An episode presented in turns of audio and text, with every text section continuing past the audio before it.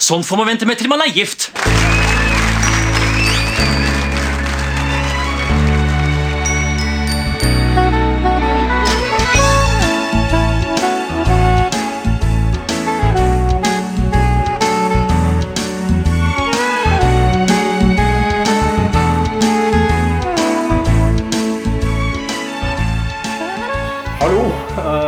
Velkommen til eh, Norsk film filmpodcast. Denne podcasten hvor vi ser norsk film med et kritisk, men kjærlig blikk. Mitt navn er Emil. Jeg sitter her som alltid med min gode venn og filmkamerat. Stefan heter jeg, og eh, vi skal snakke om En av norsk films eh, hellige kuer, kan man si. Amanda-prisvinneren for beste norske film 2005 vant også pris for beste manus.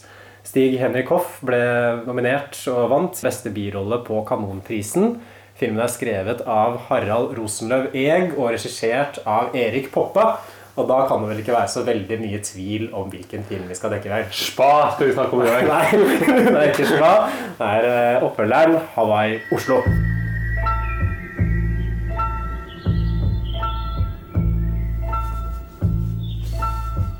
Kommer du helt fra Hawaii nå? Er det ja, i natt? Hawaii. Ja, Trygve driver også um, importerer blomsterkranser til Hawaii. For de trenger så mye blomsterkranser der, vet du. Det er broren min, det.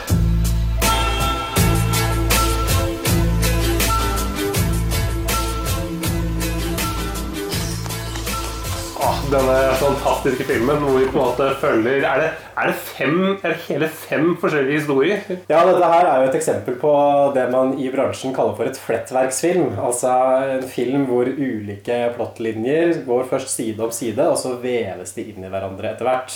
Så vi kan jo kanskje starte med å snakke litt om forventninger. Jeg hadde ikke sett Hawaii Oslo før. Hadde du? Jeg så den faktisk for et par år siden og på en måte ble jo ble ikke akkurat imponert over det jeg så. Men man tenkte at dette her var jo tross alt Det er jo tross alt god underholdning. tenkte jeg. Jeg har jo blitt stående på en måte som en slags klassiker fra den perioden. En av de mest vellykkede norske filmene fra den litt sånn de harde årene 2000 til 2005, som jeg føler er denne podkasten hers eh, kjerneområde. Men er ikke det gullårene, på en måte? Er det ikke da det liksom bare at det på en måte smalt for norsk film? på en måte? På slutten av 90-tallet var de på en bølge som sakte, men sikkert liksom rant ut i sanden. Ja, det, det er i hvert fall tesen eh, vår da, i podkasten her, at tidlig 2000-tall representerer en i dag glemt, men historisk viktig periode i norsk film. Og vi introduseres i små glimt for eh, filmens hovedpersoner. Stig Henrik Hoff, en svett Robert Skjærstad og til slutt Trond Espen Seim. Vi får også en, eh, tidlig en ganske dramatisk scene. Vi ser en mann som løper svett gjennom Oslo. Trond Espen Seim følger etter på scooter. Stig Henrik Hoff sitter i baksetet på en ambulanse som Robert Skjærstad kjører. Eh, Det er veldig uklart hva som foregår, så min interesse ble egentlig litt eh, pirra her. Og det hele kulminerer da i en kollisjon i krysset Ratkes gate Skausplass, altså helt nederst på Grünerløkka for de som ikke er lommekjent i Oslo.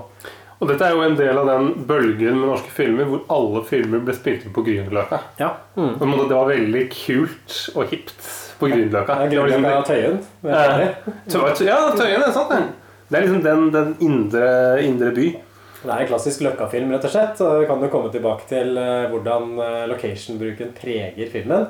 Men først så kan vi jo kanskje si litt mer om eh, handlingen. For vi blir jo introdusert for Trond Espen Seim i rollen som Vidar. Og hvem er, eh, hvem er Vidar, Stefan? Vidar jobber jo på en eller annen eh, institusjon. Han, han, får, han sliter med å sove. Sånn på en måte Det kommer fram etter hvert. Mm. Og han, han er på en måte en veldig sånn omsorgsperson. Han er spesielt opptatt av en pasient som løper rundt i blå singlet han, og løper veldig mye. Heter Leon. Mm. Og på en måte er kanskje en sånn smule tilbakestående. Leon, sånn enkelt skrudd sammen. Leon, ja. Eh, Trond Espen Seim jeg var litt sånn, virker litt forvirra. Ja, men det tok meg å tenke litt underveis i filmen sånn, hvem er det som eh, er eh, innlagt, og hvem er det Mm. som er arbeider her? For det kommer etter hvert fram at Trond Espen Seim mener seg å være synsk, og at dette frampeket som filmen starter med, med denne kollisjonen, Hvor det nettopp er denne Leon, da, spilt av Jan Gunnar Røise, som blir påkjørt. Det er en drøm han har hatt, så han blir umiddelbart overbevist om at dette her kommer til å slå til allerede neste kveld. Ja, for det er en kollega som, som sier til, til en annen kollega at, at Trond Espen Seim er, synsk. For at han, han, han ringte faren sin og han på en måte hadde da drømt at faren kom til å dø av slag. Og da faren skulle ta telefonen, så falt han om og døde. Ja, Dette hadde Vidar fortalt på et eh, julebord. og det var så fullt. Men han, han han jo også som en veldig varm og empatisk eh, omsorgsarbeider. Da, så det er godt inntrykk av han sånn sett. Han går i sånne hvite omsorgsarbeiderklær hele tiden. Selv om den stilen han har privat, er på en måte sånn omsorgsarbeiderstil. Og husk dette her med de hvite klærne, for det er nemlig ganske viktig for filmens eh, overordna symbolikk. Frampek. Det, Ja, det er frampek. Mye av, mye av de i, i Hawaii Oslo. Eh, han låser i hvert fall denne Leon inne på rommet, og så stikker Leon ut gjennom vinduet. Eh, det viser at det ikke er første gang dette her skjer, og det får meg til å spørre meg litt sånn en gang hvordan er profesjonalitetsnivået til denne institusjonen? For det første at man har et, eh, det som er et sinnssykehus, ikke sant? eller et hus for de som er litt uh, sliter med litt. Og ikke er vinduene låst, så de som bor der, kan bare stikke ut når som helst. Og i tillegg så kommer det fram at Leon pleier å dra ut og løpe på natta. Noe personalet her tydeligvis bare tillater. Men jeg syns jo ikke Leon Leon slår meg som på en måte litt mer som en enkelt skrudd sammen fyr. Han virker jo på en måte ikke som at han er noen sånn eh, sy veldig psykisk syk. Han gjør jo ikke noe Han er jo ikke en farlig fyr. Nei, Hva er det som kan feile han da? Litt nervøs, kanskje? Angst? Eller angst. Jeg tror det er angst. Men det blir jo liksom aldri helt forklart, da. Nei, Hva han egentlig lider av. For meg så, så blir det, det svekker egentlig troverdigheten til filmen litt fra start av. At det er ikke en overbevisende skildring av en institusjon. At de bare lar eh, de innlagte løpe fritt på den måten der. Erik Poppe har aldri vært på institusjon.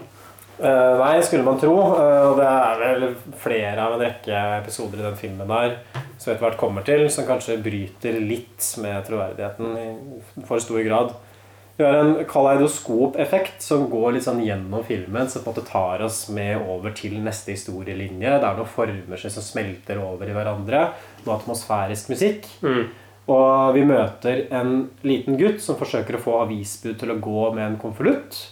Og som driver og tagger sammen med en eldre og truende gutt. eh, Skal vel være broren hans. Han tagger 'I am' på, liksom, på alle mulige fasader. Som er veldig hipt og kult. Ja, Storebror er skikkelig bølle, altså. Heter, heter Mikkel og har sånn ermeløs hettegenser som alle bøllene hadde på den tiden. føler jeg. Og sånn tidenes, Hvis det er én person som på en måte er norsk film, i den filmen her, så er det på en måte han. Med de replikkene han leverer. Ja, ja, ja. Han, sier, han er veldig tøff. Han sier 'faen' seks ganger etter hverandre. Det er et sånn typisk syndrom med norsk film. på den perioden her Det er mye banning for å etablere at karakterer er litt sånn på skråplanet. Banning og tagging. Og han starter jo med en gang, for eh, ut kommer Trond Espen Seim, som er ute og, ute og leter etter denne Leon for å avverge den eh, trafikkulykken som han har sett for seg i drømme. Og da kommer Mikkel og spør hva glaner du på. Fuckface. Trond Espen Seim på sånn klassisk Seimis Fuckface, er det, er det meg du mener? Og så får man nok et eh, eksempel på Vidars eh, klarsynte evner. For han klarer med en gang å skjønne at det er et sånt ubehandla traume der mellom disse brødrene. Hva glaner du på? Fuckface. Fuckface? Er det meg du mener? Ja. Slapp av, slapp av. Jeg bare leter etter noen. Sett han her. Nei. Dere kjenner til slagpasienten som daua? Han sto opp i tiendeetasje på sjukehuset for å vinke ned til sønnen sin som vært og besøkte han. Han ble svimmel. Så ramla han ut av vinduet og daua. Den eldste sønnen som han vinka til far sin, trodde det var hans skyld. Trodde det var hans skyld. Det var noe feil med lås på vinduet. Slagpasienter blir jo svimle, ikke sant? De blir svimle. Så hvem sin skyld var det, hvem, hvem, hvem skyld var det egentlig? Det kunne vært vindu, det kunne vært eh, sjukehus, kunne vært til og med vært det slagpasient. Men, vent, vent, vent, det kunne ikke vært sønnen. Det kunne ikke det, han ville jo Du ville jo bare vinke til far din.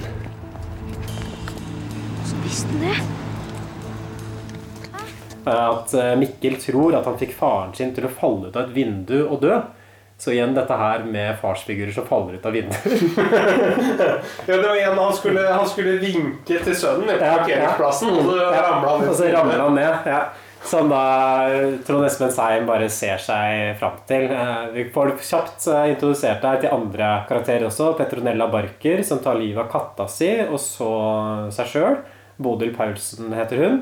Og så introduseres vi til eh, denne ambulansen som driver og kjører rundt nedpå Nedre Løkka der. For da er Stig Henrik Hoff og kona hans de har fått et barn. De krangler om barnet skal hete Jim eller Aron. Og eh, han, Stig Henrik Hoff er litt sånn, han går litt rundt i sånne, sånne Levi Henriksen-skjorter. Liksom sånne eh, Sånn som på en måte sånn hillbilly-type går med sånn der med sånne med, Sånn svart med sånne, liksom sånne pokerkort på liksom, eh, skuldrene. En sånn bowlingskjortestil. Den der rockabilly-stilen som skal veldig inn. Jeg også må innrømme at i min uh, ungdom så har jeg nok eid en skjorte som Oi, ser litt ut som har du det? Ja. Akademikeren. Prøvde å være litt rå, litt, litt nærmere Hoff. Og, og Vidar igjen, som den uh, sannsynte personen han er, gjetter seg til kjønnet. At han gjetter at det er en gutt som ble født. 50-50. Det er jo ganske vanskelig. Ja, Det kommer litt an på hvordan man regner kjønnet, men eh, han, han klarer i hvert fall å resonnere seg fram til det. Og så forsøker han å fortelle om denne visjonen sin, at han har sett Robert Skjærstad kjøre over eh, Leon. Eh, Robert Skjærstad bryr seg ikke. Det er en ganske sånn kostelig dialog her også, hvor eh, Trond Espen Seim eh, roper inn i bilen dere må ta vare på øyeblikket. Dere vet aldri hva som skjer. Så svarer Stig Henrik opp. Hva faen tror du at vi gjør, da? Vi tar jo vare på øyeblikket.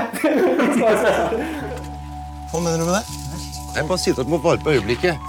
Ja, så tror du vi gjør da? Gjør det. Vi tar jo Gjør vare det, på gjør det, øyeblikket. gjør det, gjør det, gjør det. deg ned litt? Hæ? Kan bare få den vekk. Så, så. Det går fint. Ja, det er AMK. Vi har fått melding om en uh, person. Veldig bra svart av Stig Henrik.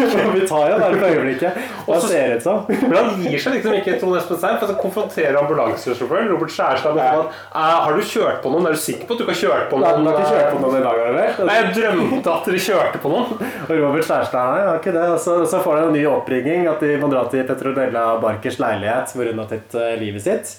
Igjen så reagerer Stig Henrik Hoff at denne sykebilen her er jo vår nå. Den skal ikke kjøres noe annet sted. Den, er- den, det, det kommer liksom tilbake i filmen også, men det virker jo som om det kun er én ambulanse som betjener hele Oslo. For det er alltid Robert Kjærstad som drar ut uansett hva som skjer.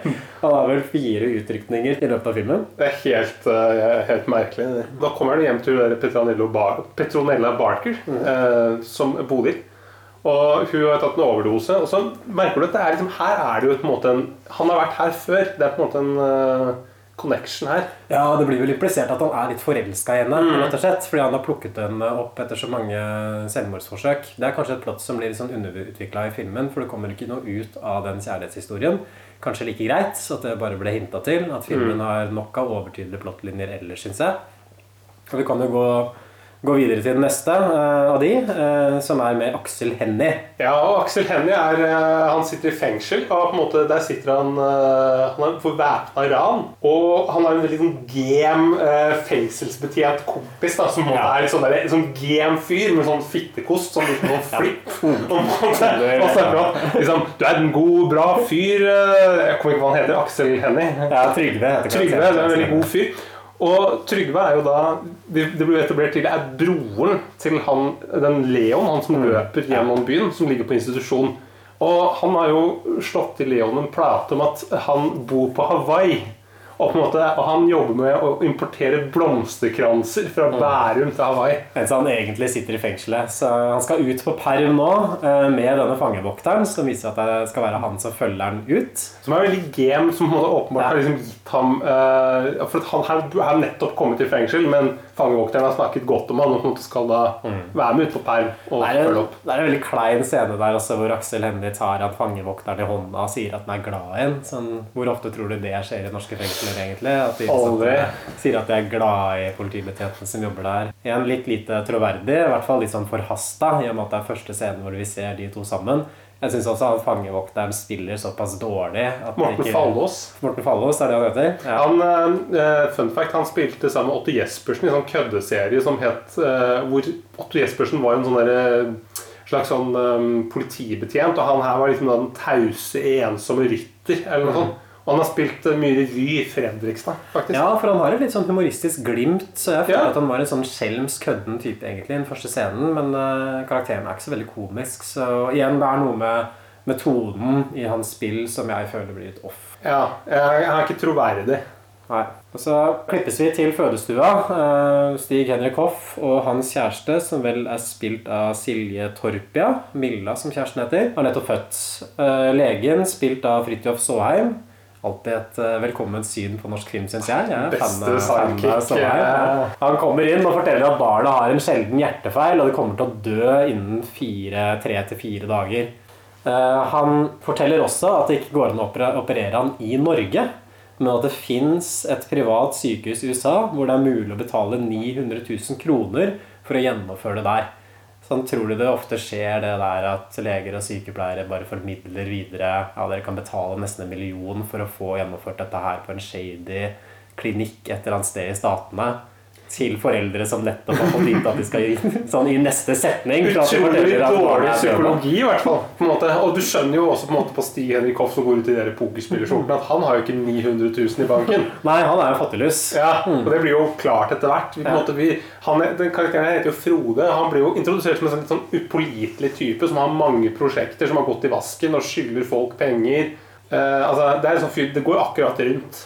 Han har ikke 900 000. Uh, også en ganske illustrerende scene mellom de, hvor uh, Stig Hoff vil selvfølgelig ut og skaffe disse 900 000 med en gang, og hun sier Frode, dette er ikke noe du kan fikse. Du kan ikke fikse dette her. Ikke bruke opp tiden eh, vi har nå, for dette er tiden vi kan bli kjent med han. Som er jo en sånn typisk kjønnsdynamikk, kanskje.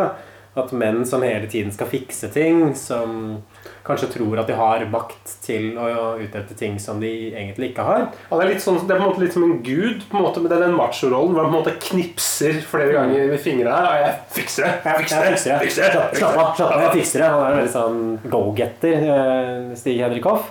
Men jeg syns likevel at skuespillet hans er såpass godt at han er i såpass god sjarm at jeg kjøper den karakteren der. Det er nesten en av de eneste tingene ved filmen som jeg kjøper i det hele tatt. Jeg syns faktisk det her det gjør hele filmen for meg. Det var på en måte underholdende å bare følge liksom, måten han tolker den rollen på. Det er gøy å se på han, rett og slett. At han har en sånn i den filmen her og i andre filmer. Vi har diskutert Stig Henrik Hoff tidligere. Da var ikke du like entusiastisk som meg, Stefan. Jeg håper du har blitt litt mer overtalt nå. Jeg syns han har på sitt beste en sånn type magnetisme som gjør at det bare er interessant å se han på skjermen. At han har liksom samme greie som Kristoffer Joner ofte har. At det er nesten samme hva han gjør.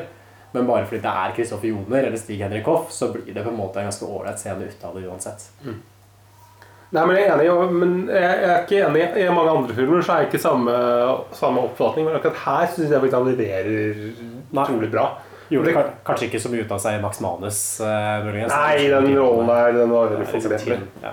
Men uansett så er det jo Da følger vi jo Stig Henrik Hoff ut på en reise hvor han på en måte skal prøve å samle, spare, Samle og spare ja, ja. 900 000. Og så sitter han og regner liksom på hvor, hvor mye det koster ham per minutt. Hvor mange, liksom, per minutt så har han Mm. så og så lang tid på å spare inn de pengene.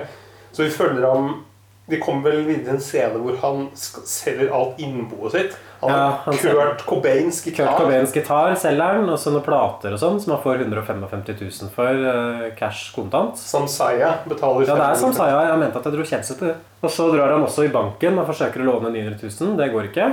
Uh, Den banken kommer vi tilbake til senere i filmen. Og Parallelt med dette her så har også Aksel Hennie tatt med broren Leon ut for å feire bursdagen hans Mm. ved å drikke pils i Sofiebergparken. Eh, Der hvor jeg for så vidt har feira mange bursdager sjøl på samme måten.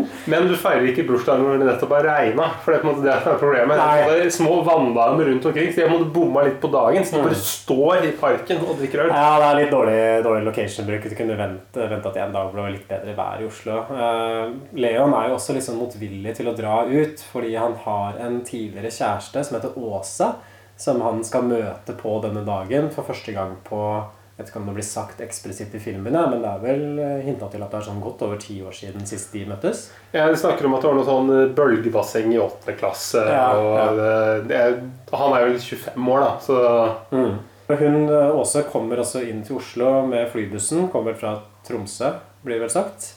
Og blir da rama av, eh, av Mikkel og broren hans eh, Magne. Altså disse to små barna som driver og tagger og sånn. Jeg syns er, Her begynner vi å komme fram til en svakhet med filmen umiddelbart. Fordi filmen er ekstremt uh, ivrig på å etablere alle disse plottlinjene. Og etablere det så fort som overhodet mulig. Så i løpet av den første halvtimen så får man jo én påkjørsel, en som stikker av fra et sinnssykehus, et selvmordsforsøk, en baby som snart skal dø, og et ran. Det er vel kanskje flere ting eh, også, men det er i hvert fall liksom de dramatiske høydepunktene. For det virker som at man skjønner liksom at problemet med flettverksfilmer er jo ofte fordi du skal ha så mange historielinjer som går samtidig, så blir det ikke så veldig mye tid på hver enkelt. Så tror jeg strategien her har vært liksom at rett og slett for å etablere karakterene så fort som overhodet mulig, så går man rett inn. Har de store hendelsene og de store følelsene umiddelbart fra start. Og da får du et sånt antiklimaks utover i filmen. Og, på en måte, og problemet er jo at det er alltid noen historier som, eh, som ofte bare kunne vært klippa vekk. For de på en måte gir, bidrar jo egentlig ikke til filmen. Ja, og så blir man jo litt mett òg. Når alle disse ekstremt dramatiske hendelsene skjer i filmens første akt.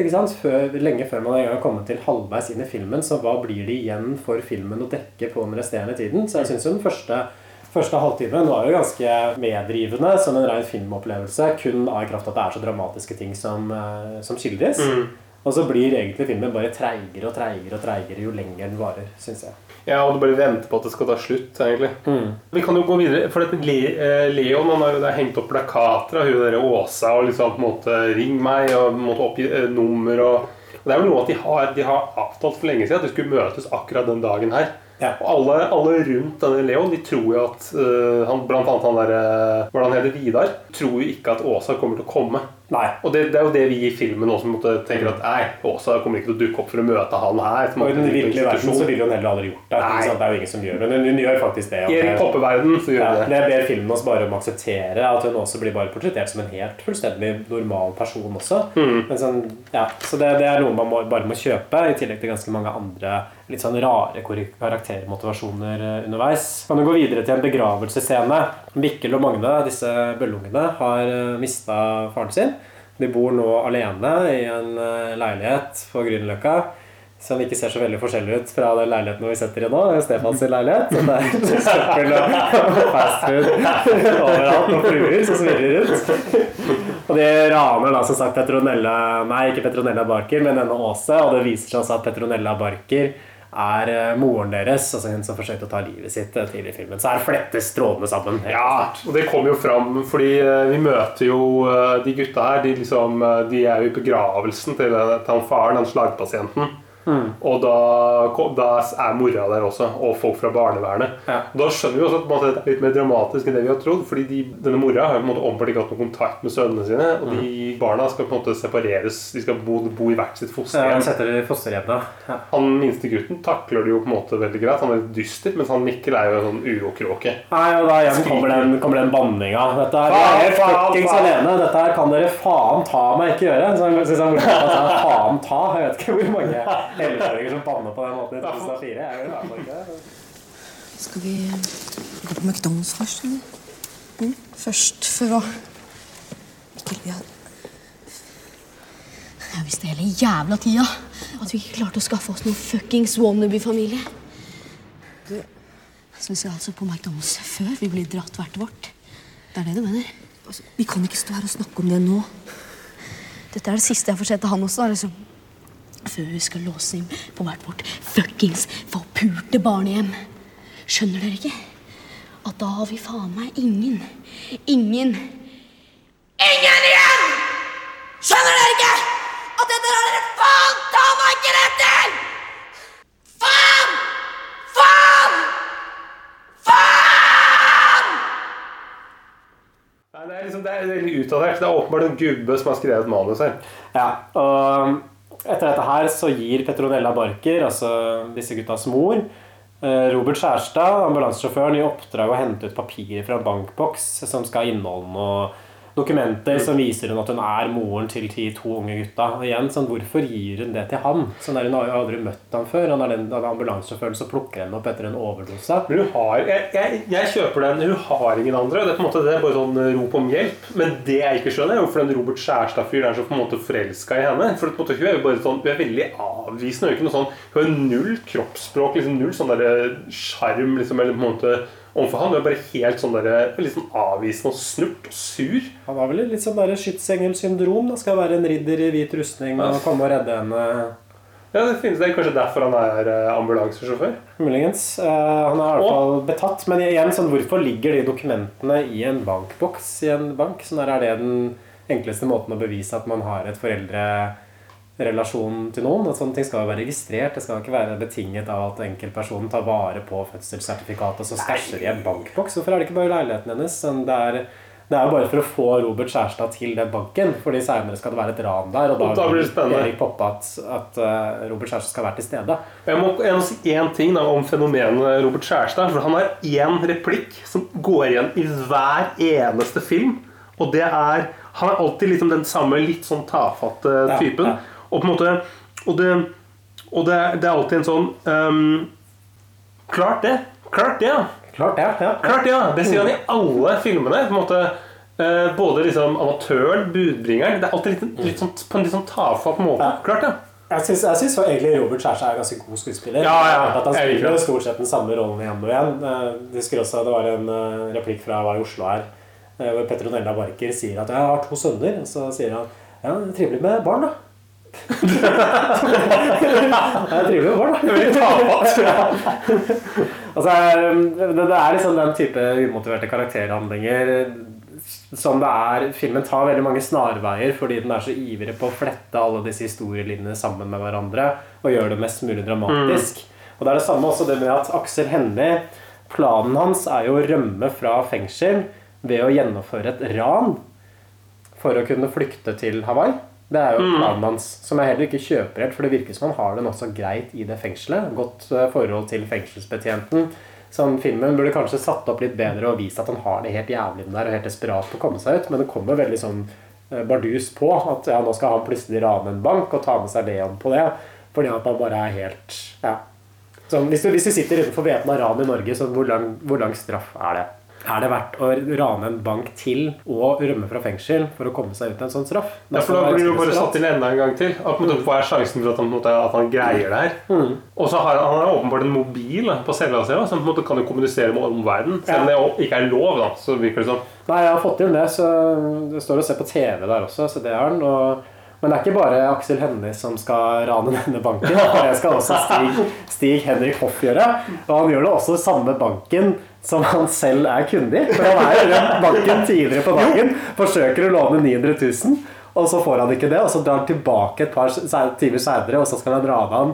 så hvorfor ikke dra i en annen bank enn det, der du selv har vært tidligere? Men det er mot- motivet allerede etablert? Men der legges det allerede ut liksom, en liten eh, mine på forhånd. For at når eh, Stig Henrik Hoff blir avvist, ikke får lån, så sier han at dette, er- dette er som at dere raner meg. Det er ran mot Ja, meg. har de blitt rana før? Har de blitt Ja. før? Og det, da, da kommer det tilbake igjen. Men det er jo en jævlig dårlig plan. Men han trenger ikke å dra til den samme banken. Som Det er ikke samme skjeden, da. DNB et annet sted. Det er det er det jeg mener. at Det er, det er rett og slett umulig og det er, det er- det umulig å tro på, syns jeg. At det, det, det, det, det, det strekker troverdigheten altfor langt. Og det er også at Stig Henrik Hoff og Aksel Hennie raner denne banken nøyaktig samtidig. Da er altså Robert Skjærstad der for å hente ut den eh, bankboksen med dokumentene til Petronella Barker. Og så har du Trond Espen Seim som tilfeldigvis bare sitter på gata utenfor og venter. Det blir rett og slett litt for dumt, jeg. Det er ikke sannsynlig. Og vi må, eh, Et eget kapittel i den podkasten her kan jo på en måte være forkledningen til Stig Henrik Hoff. For han, ikke, han er jo kunde i banken, så han må jo ikke kjennes igjen.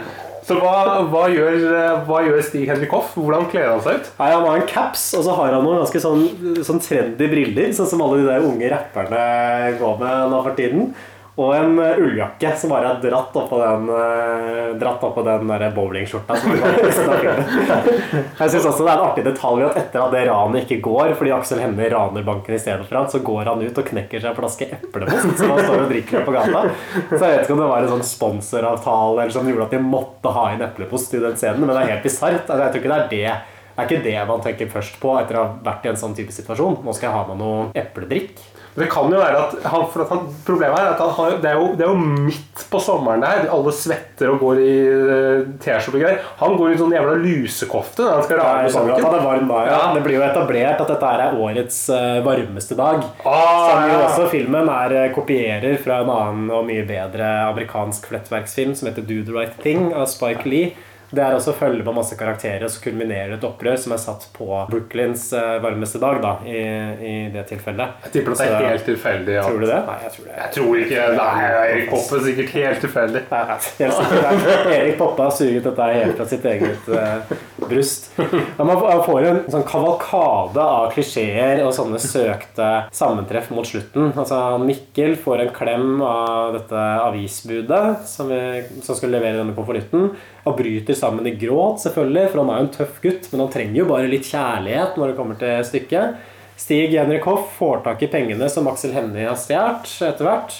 Fordi Leon, broren hans, stikker av med kontantene, kaster en søppelbøtte oppe i, ved Birkelunden, som Stig Henrik Hoff finner, slik at de får gjennomført operasjonen likevel. Og da rekvirerer sykehuset en ambulanse, hvor sykehuset da ringer Robert Skjærstad, som er fri fra jobb etter en nattevakt. Så hvorfor ringer sykehuset Robert Skjærstad for å kjøre de til Oslos eneste ambulansesjåfør. Ja, er det, er, er det han den eneste ambulansesjåføren som jobber i hele Oslo? Altså, han, han har jo vært på en nattevakt, det er dagen etter for han, men han må på død og liv ringes. Han prøver å protestere. Men så er det vel en sånn greie at ja, siden du kjørte de i dag morges, så skal du også kjøre de nå. Men du er ikke en privatsjåfør når du er ambulansesjåfør. Eller likevel, Vi prater ikke med han uansett. Han, det er jo på en måte en veldig enkel Det er bare å kjøre fram og tilbake. Og, det, og det er, Frode har jo på en måte også noen sånne eh, kommentarer sånn innimellom som, på en måte, hvor, det skal være litt sånn, vi skal være litt sånn det, er jo, det er jo gjennomgående i poppefilmer hvor det er litt sånn filosofisk. Det sier han sånn eh, Hvem bestemmer hvem som egentlig skal få leve Og dø. og dø? Og sånn. Men det er helt sånn øh, Hvem er jeg? Og, altså, det, det, det er på en måte helt sånn der kvasi sånn filosofisk nivå som på en måte er sånn litt sånn Sofies verden-aktig. Nei, under Sofies verden, vil jeg si. At, uh, vi kan jo gå videre til det. Bare gå gjennom slutten på filmen uh, først. At det er en sånn klimaktisk sluttscene på utestedet Hawaii, hvor Leon skal møte denne Åse. Aksel Hennie er med og blir arrestert. Og så går vi tilbake til starten av filmen. At eh, Leon stikker av, begynner å løpe opp og ned Markveien der. Eh, Trond Espen Seim følger etter på scooter, og man får den samme kollisjonen med ambulansen, bare at det nå er Trond Espen Seim som blir påkjørt i stedet for Leon.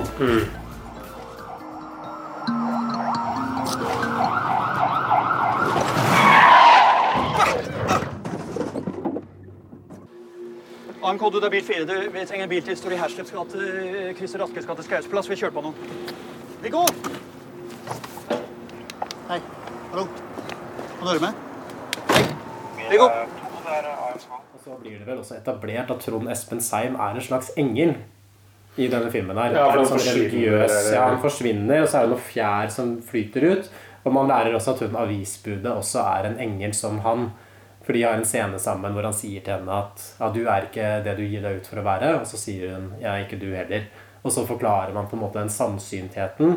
Så filmen avsluttes på en måte med at han ofrer seg for at Leon skal få leve, og for å kunne leve i denne kjærligheten. Så ekstremt pompøst. Ekstremt unødvendig. Filmen fortjener, gjør seg overhodet ikke fortjent til den type religiøs tematikk, syns jeg, som den legger opp til. Men eh, hva, hva tar du ut? Hva er det store, den store eksistensielle problemstillingen den filmen her eh, forsøker å belyse? Og hva syns du at filmen svarer? Eh, Det er vel det at den filmen her på en måte prøver å um, Den, den prøver på en måte å vise liksom at de aller fleste mennesker er gode på bunn. Og Det er jo et eller annet sånt. Og på en måte um, Men jeg, jeg vet ikke helt jeg, jeg, jeg skjønner ikke helt hvor den egentlig vil. Nei, jeg, for jeg, jeg tolker det litt sånn som det Trond Espen Seim Som er en slags avatar til filmen, kan man si. At Trond Espen Seim blir jo markedsført som hovedpersonen, selv om han er ganske lite med, egentlig. Så jeg tror ikke han har mer skjermtid enn det Stig Henrik Hoff har. Eh, Men han sier jo det i denne ambulansescenen tidlig i filmen, at du må ta vare på øyeblikkene. Fordi livet er så skjørt, så du veit aldri hvor du mister ting. ikke sant? Så du må bare leve, sette pris på det du har, Fordi når som helst så kan du miste det. Og det jo, må jo være budskapet i filmen. Det er det den prøver å si. da Der har du jo uh, Ja, det, det tror jeg. Det tror jeg men, men det er jo for det første en ekstremt uoriginal og platt beskjed. Som man har sett tusen ganger før. Også, men jeg syns også det er en litt sånn menneskefiendtlig beskjed også. For det sier på en eller annen måte at ja, du har ikke noe kontroll uansett. Du må bare la deg flyte med strømmen. Eh, Du kan ikke styre dine egne omstendigheter. Ting kan når som helst bare bli snappa bort. Så du må bare leve i øyeblikket og slutte å tenke så veldig mye på det store bildet. I hvert fall ikke gjøre noe forsøk på å endre det. Så nei, jeg, jeg kjøper ikke den type ting i det hele tatt. Og jeg syns heller ikke Hava i Oslo klarer å formidle det på en sånn god måte. At det at Trond Espen Seim er en engel, det leste jeg meg til i en omtale av filmen. Nei. Men jeg syns ikke fremgår så veldig tydelig av filmen i seg sjøl. Jeg vet ikke om du fikk med deg Nei, jeg, jeg har jo sett den før òg. Jeg har ikke, jeg ikke skjønt det i det hele tatt. Mm. Um, det er det store problemet med den filmen. Den, den forsøker å være mye dypere enn det den egentlig er. Det er på en måte åpenbart noen som, det er på en måte en, uh, noen som har laget den som vil være en stor filmkunstner, Mm. men som ikke har forutsetningene for å være det. Nei, det er, det, er et massivt gap mellom eh, ambisjoner og evne til gjennomførelse her. Og filmen er jo åpenbart inspirert av sånne amerikanske filmer som Shortcuts og Magnolia, Do the Right Thing, som var veldig i skuddet på den tiden. Mm. Litt sånne store narrativer som gjerne går over tre-fire timer, hvor man møter alle disse skikkelsene, og så veves det sammen. Men jeg føler ikke at filmen forstår hva som gjør at de filmene faktisk fungerer. Sånn som med Shortcuts, eksempel, at den er jo eh, en veldig god film, regissert av Robert Altman fra starten av 90-tallet. Og, og i den så er jo Det er jo noen dramatiske historier der. Det er f.eks. et drap som skildres, men det er også noen historier som er helt sånn hverdagslige. At en av hovedhistoriene, der filmen faktisk avslutter, er at det er noen som ikke har lyst til å dra i et middagsselskap med et par som de ikke kjenner veldig eh, så spesielt godt. Og så ender det opp med at alle drikker seg fulle og har en litt sånn der utsvevende kveld og tester noen grenser, rett og slett. Og det er en sånn grei plottlinje for den filmen, fordi den skjønner det at alle plottlinjene kan ikke være høydramatiske. Du må ha en balanse mellom at noen mister barnet sitt, så kan du ikke ha en annen historie som handler om et ran, Mm. og så en historie der igjen som handler om et selvmordsforsøk, og så eh, foreldreløse barn. Du kan rett og slett ikke pakke sammen alle disse store fortellingene og få balansen i filmen til å fungere. Nei, og for, å ta, for å ta et litt mer sånn uh, folkelig eksempel, da, så kan vi på en måte ta Love Actually, som på en måte også er noe av det samme. Og der er det også skjønt at Uh, at du, måte, du, må ha noen, du må ha noen humoristiske scener underveis. Noen, Alle historiene kan ikke være mørke. Sånn som Mm. den der historien med de der, det paret som uh, Eller de som møtes på sånn pornofilm eller sånn stand-in-innspilling. Ikke sant? Det er på en måte, men Erik Poppe skal på en måte alt være dramatisk. Det er, han, det er åpenbart en fyr som på en måte er mm, eller i hvert fall De filmene her de, jeg synes de mangler helt sånn all sans for humor. Det er liksom så Det er liksom så tørt. Du er nødt til å hjelpe meg. Jeg tror ikke jeg er i stand til å hjelpe noen som helst akkurat nå. jeg. Du er nødt til å, hjelpe du er nødt til å Jeg er ikke i stand til å hjelpe noen som helst. Ja, men du Altså, så, jeg, er ikke, jeg er ikke typen som tror på mysterier og sånne ting. Men akkurat nå så er jeg faen meg villig til å tro på hva som helst, og du drømte jo at jeg fikk Jeg en tror ikke på noe som helst. Jeg tror ikke på noe som helst. Men du drømte jo at jeg fikk en sønn, og det stemte jo! Du, jeg har huet fullt av drømmer hele tida. Nå må jeg sove, ok? Nå må jeg sove.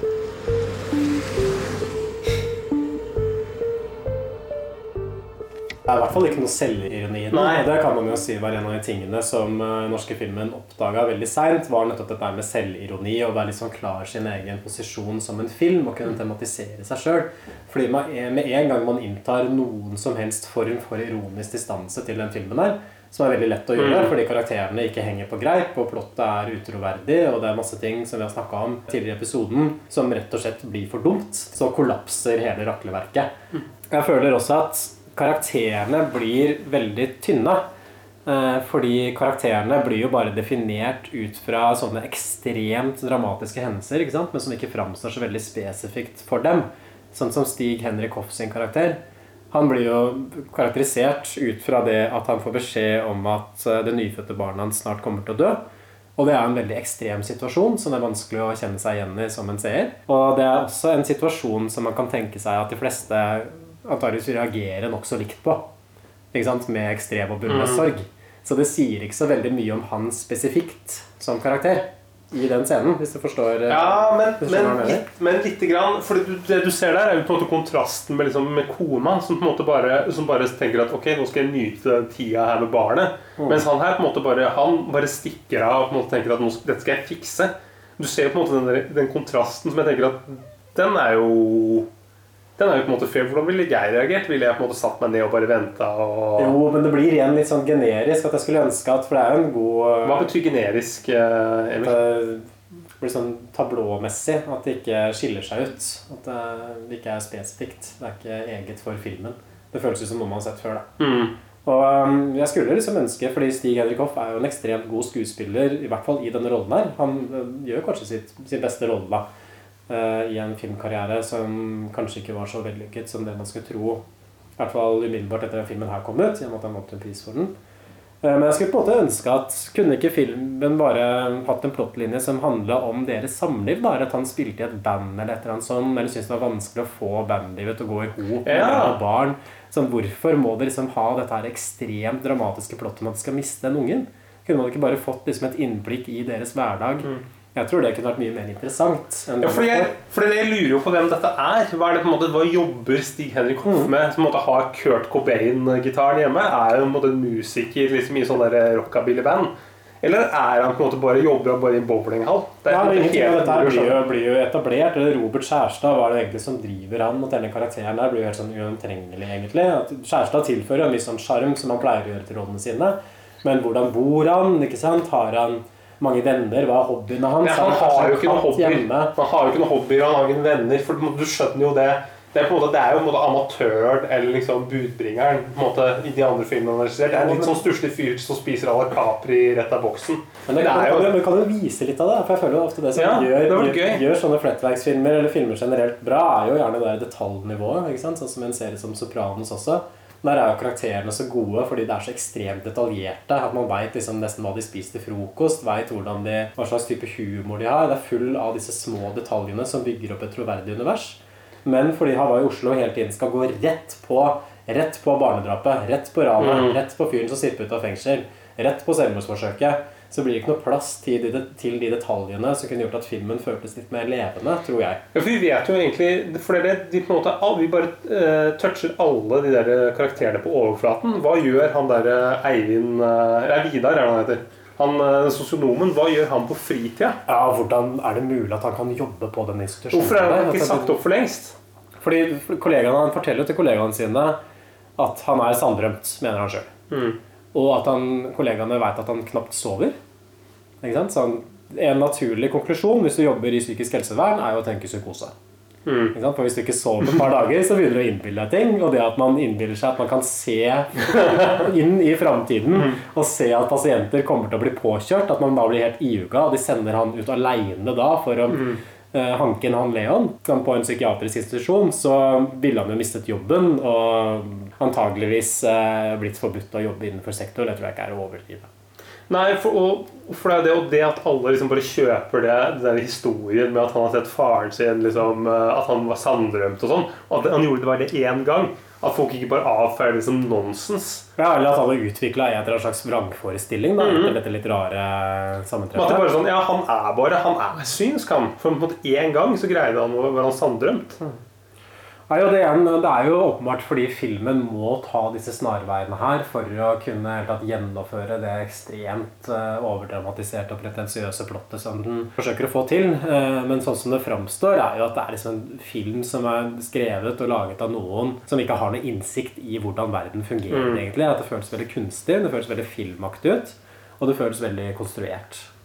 Ja, det, men, og det er jo litt sånn en gjennomgående greie med Erik Poppe-filmer. Du lot han gå, du.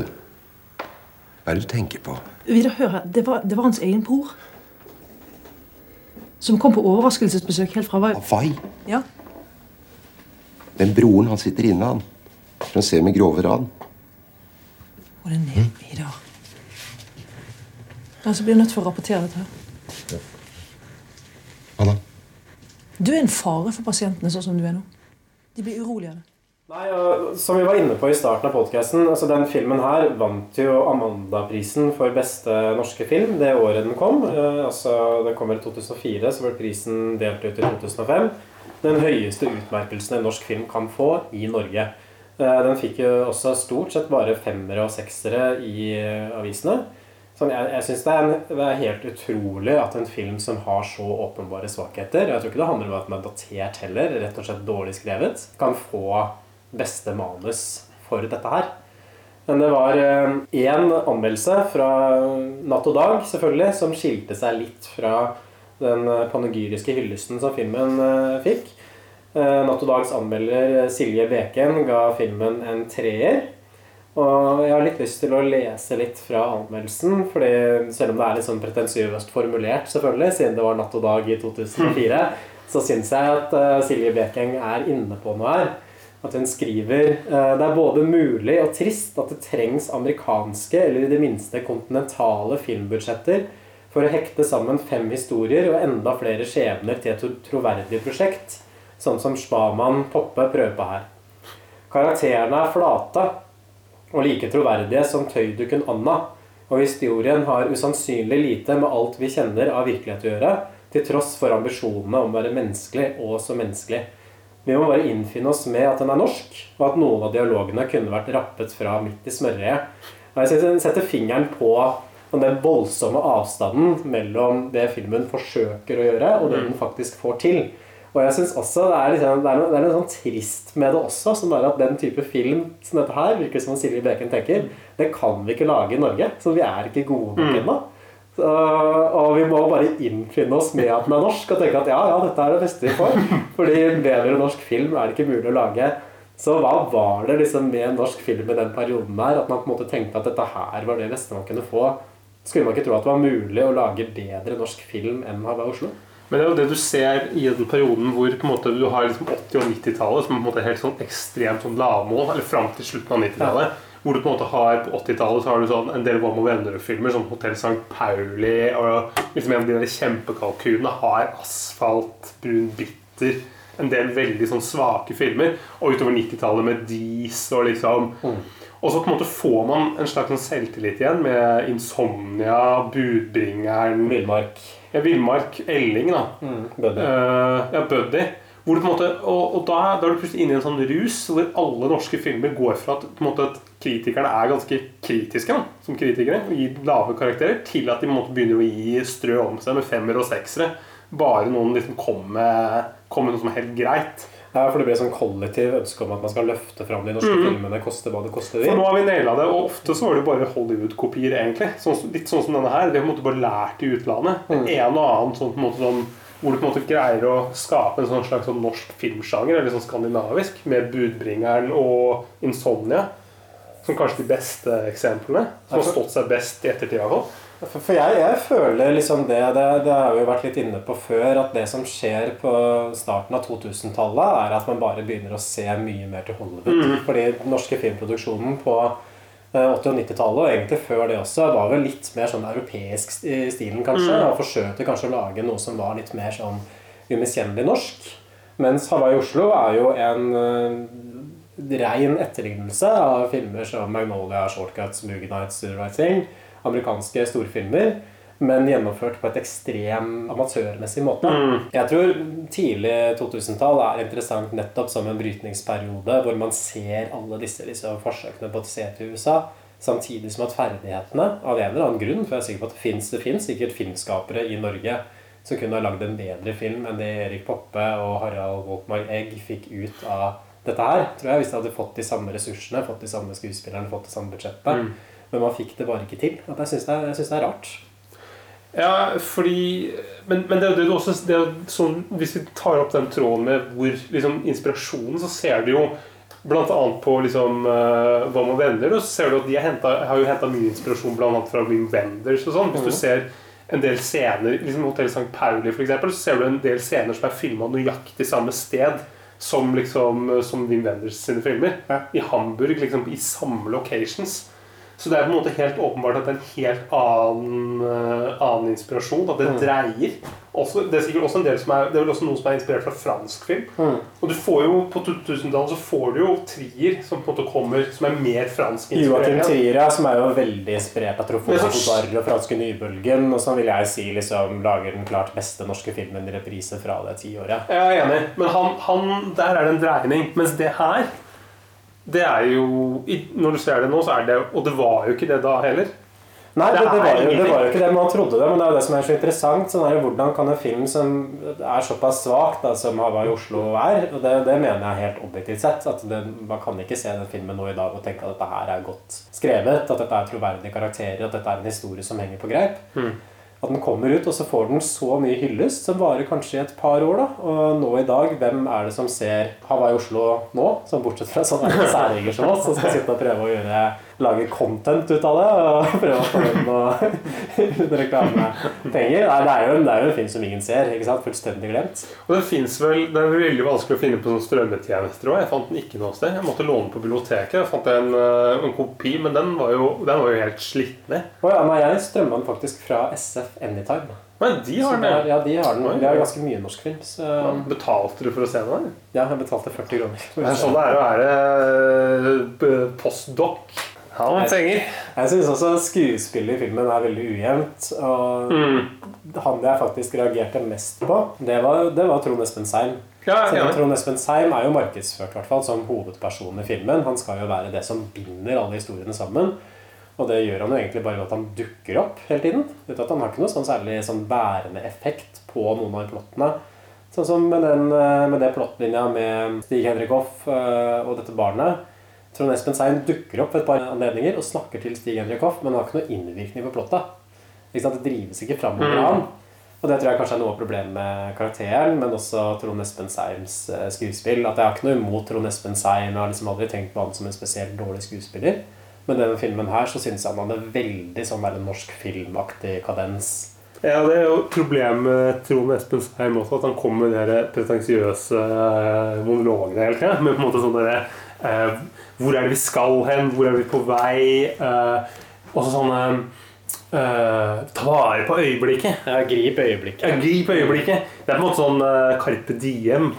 Det er på en måte på det nivået. Ja, som, som er den mest banale filosofien det går an å Mm. ha, tenker jeg. Så det er, det er veldig umodent, men han er vel en slags sånn regissørsubstitutt, kanskje. For jeg føler at det er han som på en måte skal personifisere filmens uh, tese, eller Mm. filmens perspektiv. da.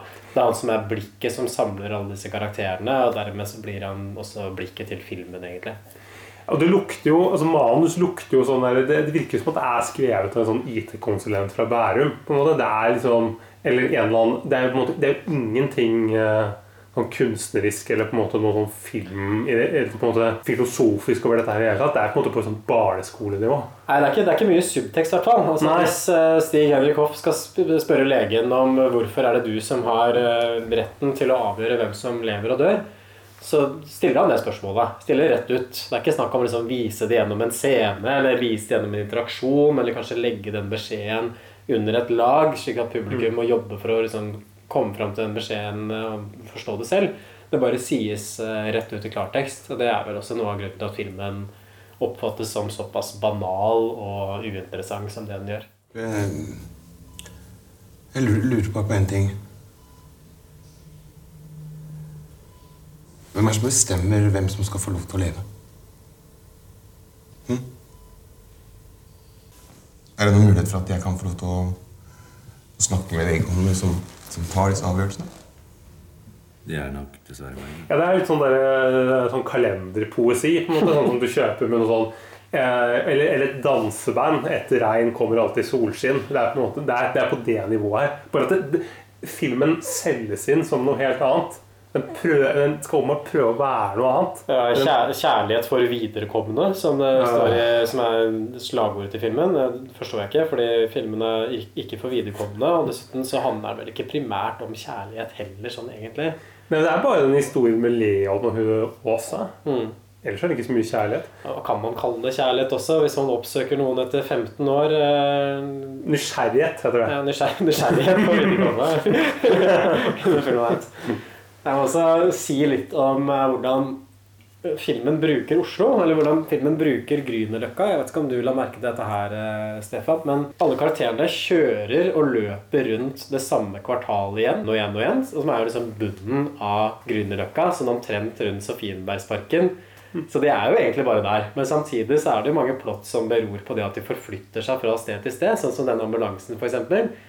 Den kjører jo bare langs med Sofienbergparken, så det er nesten gangavstand. At Stig Henrik Hoff og kjæresten hans kunne jo like gjerne gått til sykehuset hvis det er såpass nærme som det det framstilles der. Og samme med han eh, Leon, som liksom skal løpe ute hele natta. Han løper jo bare opp og ned Markveien, egentlig. Og det er jo også sånn klipp eh, hvor man ser at han løper forbi New, New Anakali, den indiske restauranten som ligger helt i bunnen av Markveien. Den ser man han løper forbi to klipp på rad. Hvor de har forsøkt å kamuflere det slik at han egentlig løper oppover en lang gate, men så har de bare giddet å filme sånn bunnen av gata. Så hvis du følger nøye med, så kan du se skiltene til New Akali sånn på to påfølgende bilder. Og så det at han er helt andpusten også når han kommer an til Birkelunden. Så er det sånn 500 meter opp i gata, og det blir jo etablert at han løper nesten hver eneste natt. Så det blir en sånn veldig sånn rar stedslig sans, syns jeg, i filmen. Nesten litt sånn bisart når man ser på det. I hvert fall ja, Ikke for å skryte, da, men jeg er jo litt kjent for Grünerløkka. Du er egentlig fra Hamar, selv om det er vanskelig å høre. Ja, er egentlig fra Hamar. Men jeg har bodd, jeg har bodd eh, nære Løkka. Så det er jo gater som har gått litt opp og ned. Og det har ikke forandra seg så mye siden 2004.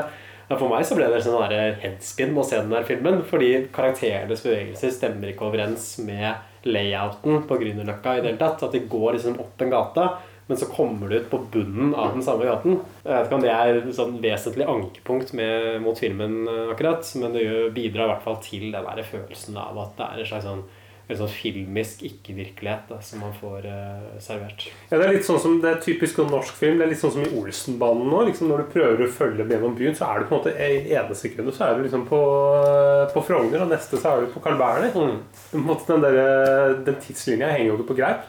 Det var jo Oslo 31. august ble jo liksom kjent for det, fordi forflytningene til Anders Danielsen Lie i den filmen er faktisk geografisk korrekte. Altså Han går den samme løypa som det ville gått for å komme fra A til B, det filmen viser, og så tar det omtrent like lang tid også å forflytte seg mellom de ulike stedene.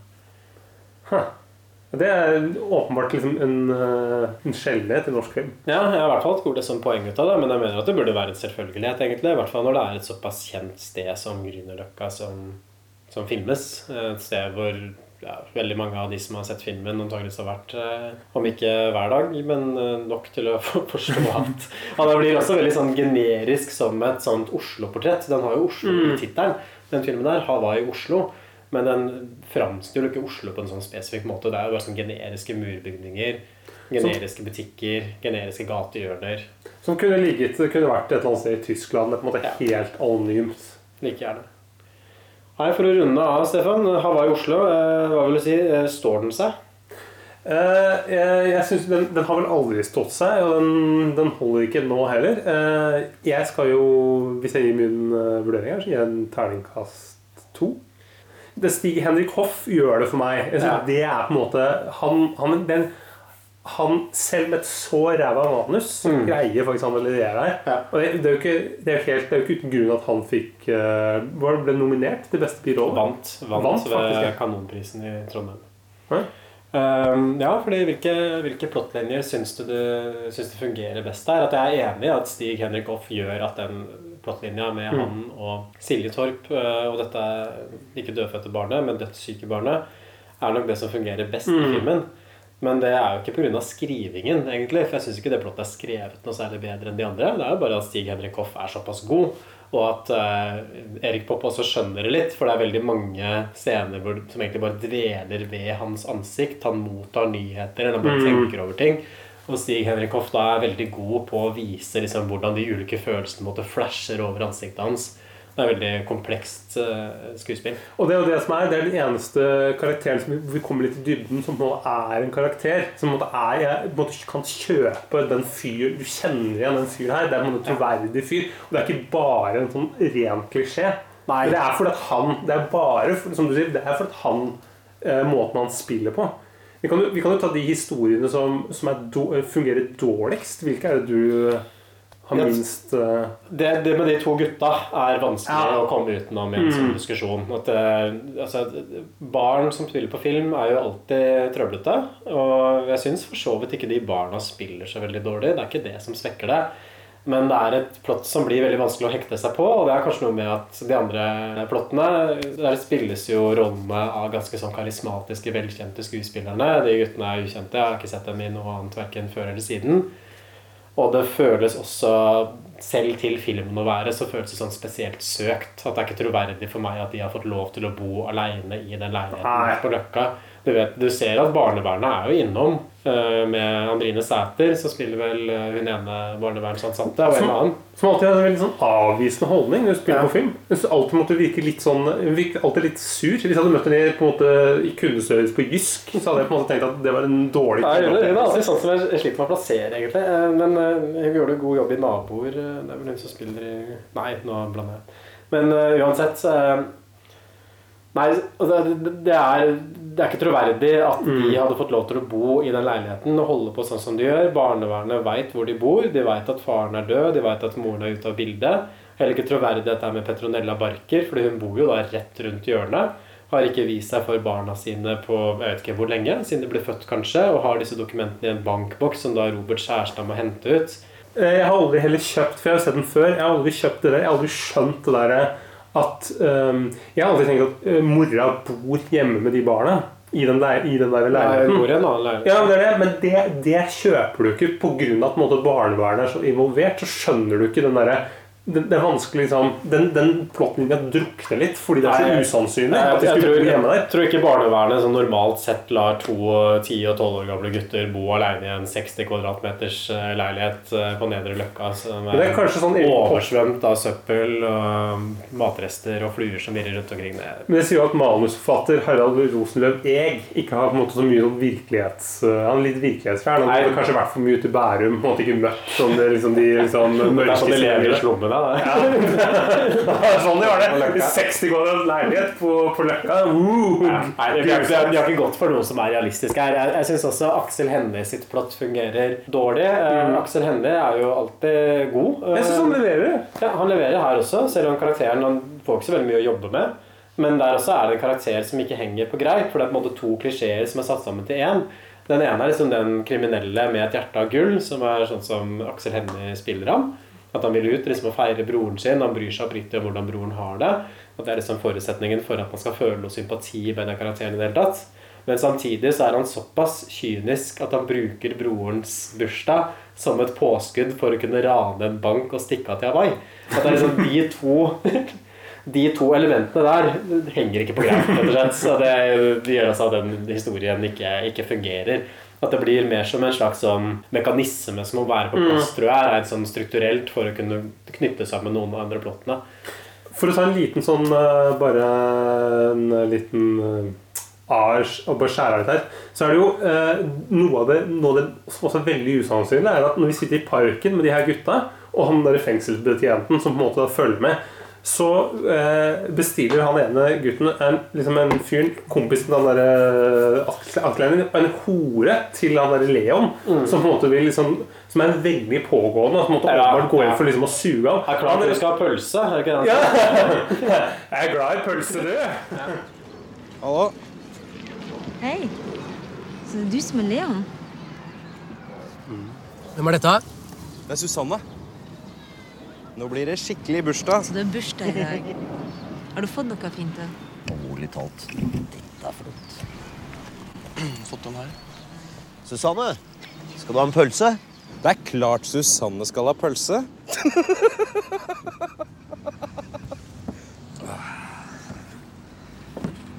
Og det, er på en måte, det også, han, han Fengselsbetjenten syns det er ubehagelig, men han bare lar det der bare fortsette. Ja, Det samme gjør Aksel Hennie sin karakter også, som han viser ganske handlekraftig ellers i filmen. Mhm. At han er handlekraftig nok til å gjennomføre et ran.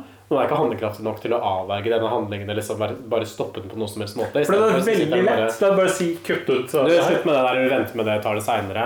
Istedenfor sitter han bare og ser ned. Men grunnen til at han ikke gjør det, det er for at filmen krever at han broren stikker av. Mm. Fordi pengene må komme bort fra Aksel Hennie og til Stig Henrik Hoff. Men jeg, jeg kjøper det med Aksel Hennie, men jeg kjøper det ikke med den sånn game fengselsbetjenten spilt av Ja, At han ikke griper inn, for prostitusjon var vel ulovlig i 2004 i hvert fall. Kjøp. Så ja. Så det er hvorfor eh, han, han aksepterer jo for mye. Det er helt urealistisk. Nei, og Samme det der med at broren også ville gjort det der såpass nonsjalant nonchalant foran en politibetjent. For han Mm. vet jo hvem han er. Så igjen, det er det, det gjelder også med en del andre ting i filmen. At man merker at det er drevet av en rein sånn plottmessig nødvendighet. Og da Mm. faller på en måte hele den flettverkstrukturen litt sånn sammen også. Fordi igjen, da, hvis man tar en sånn film som Shortcuts, uh, som jeg syns er en av de beste flettverksfilmene som er laget Har du, du sett den? Niks. Nei, det, det, det er eh, basert på novellene til Raymond Carver, amerikansk novelleforfatter. og Den varer i omtrent tre timer. og Da følger man ulike historier. Men de blir ikke bundet sammen på noen annen måte enn at det er et sånt jordskjelv på slutten av filmen, og så ser man hvordan de ulike karakterene reagerer på det. Litt som i den norske filmen 'Skjelvet' med Kristoffer Joner. ja, litt på samme, samme måte, ja. Men det, er, men det er en sånn hendelse som bringer alle sammen. Men det er ikke sånn at sånn som det er i Hava i Oslo, at hun som tar selvmord, det er altså mora til de guttene, og de møter også Mm. Trond Aspen Seim, og at du har alle disse direkte forbindelsene hele tiden mellom plottene. Det går liksom ganske sånn side om side, og så er det noen avstikkere som føles da veldig sånn magiske, fordi det er så få av dem. Men i stor grad så er det parallelle plottlinjer, og igjen med en balanse mellom ulike plottlinjer. Noen er veldig dramatiske, andre er mer sånn banale og hverdagslige, kan man si. Problemet, og det, er liksom samme problem som var med, med Pax også. eh, Det kan jo avsløre at det er, det er jo en tapt episode. eh, En skjult episode av Norsk film filmpodcast, som var den første episoden vi spilte inn om Pax. Eh, Jeg vet ikke helt hva som skjedde med den episoden, eh, Stefan. Men, eh, Den er kanskje blitt slettet, eller bare blitt borte ja, den har blitt, mystisk vis? ja, det er jo noen kunstverk som går tapt, vet man jo. Sånne Picasso-skisser. Og det, det er jo Eller en del av bildet til. Churchill. Han brente dem vel? Jeg har jo sett i den i Crown. Nei, så den, vi, vi har spilt inn episode om Pax, denne norske flykrasjfilmen fra 2008 var det vel. Og den også lider jo av akkurat det samme, at man blir så ekstremt uh, gira på å få inn så mye som mulig Mm. hele tiden. Alt skal knyttes sammen. Jo flere forbindelser, jo bedre. Jo flere dramatiske hendelser som bedre, jo bedre. Mm. Og så får man bare en veldig sånn overstuffed film som egentlig ikke henger på greip. Det er det, I stedet for at du måtte bli god mett, så spyr du etter desserten. Kanskje før du kommer til desserten, til og med. Og sånn er det vel med Hawaii Oslo. Mm. Hva er ditt terningkast, eh, Emil? Nei, jeg må si det er terningkast én. Oi. Såpass? Ja, for at skalaen skal Ja. Men kan vi ikke avslutte på den der spyr etter dessert, da? Jeg syns den var eh, fin, jeg.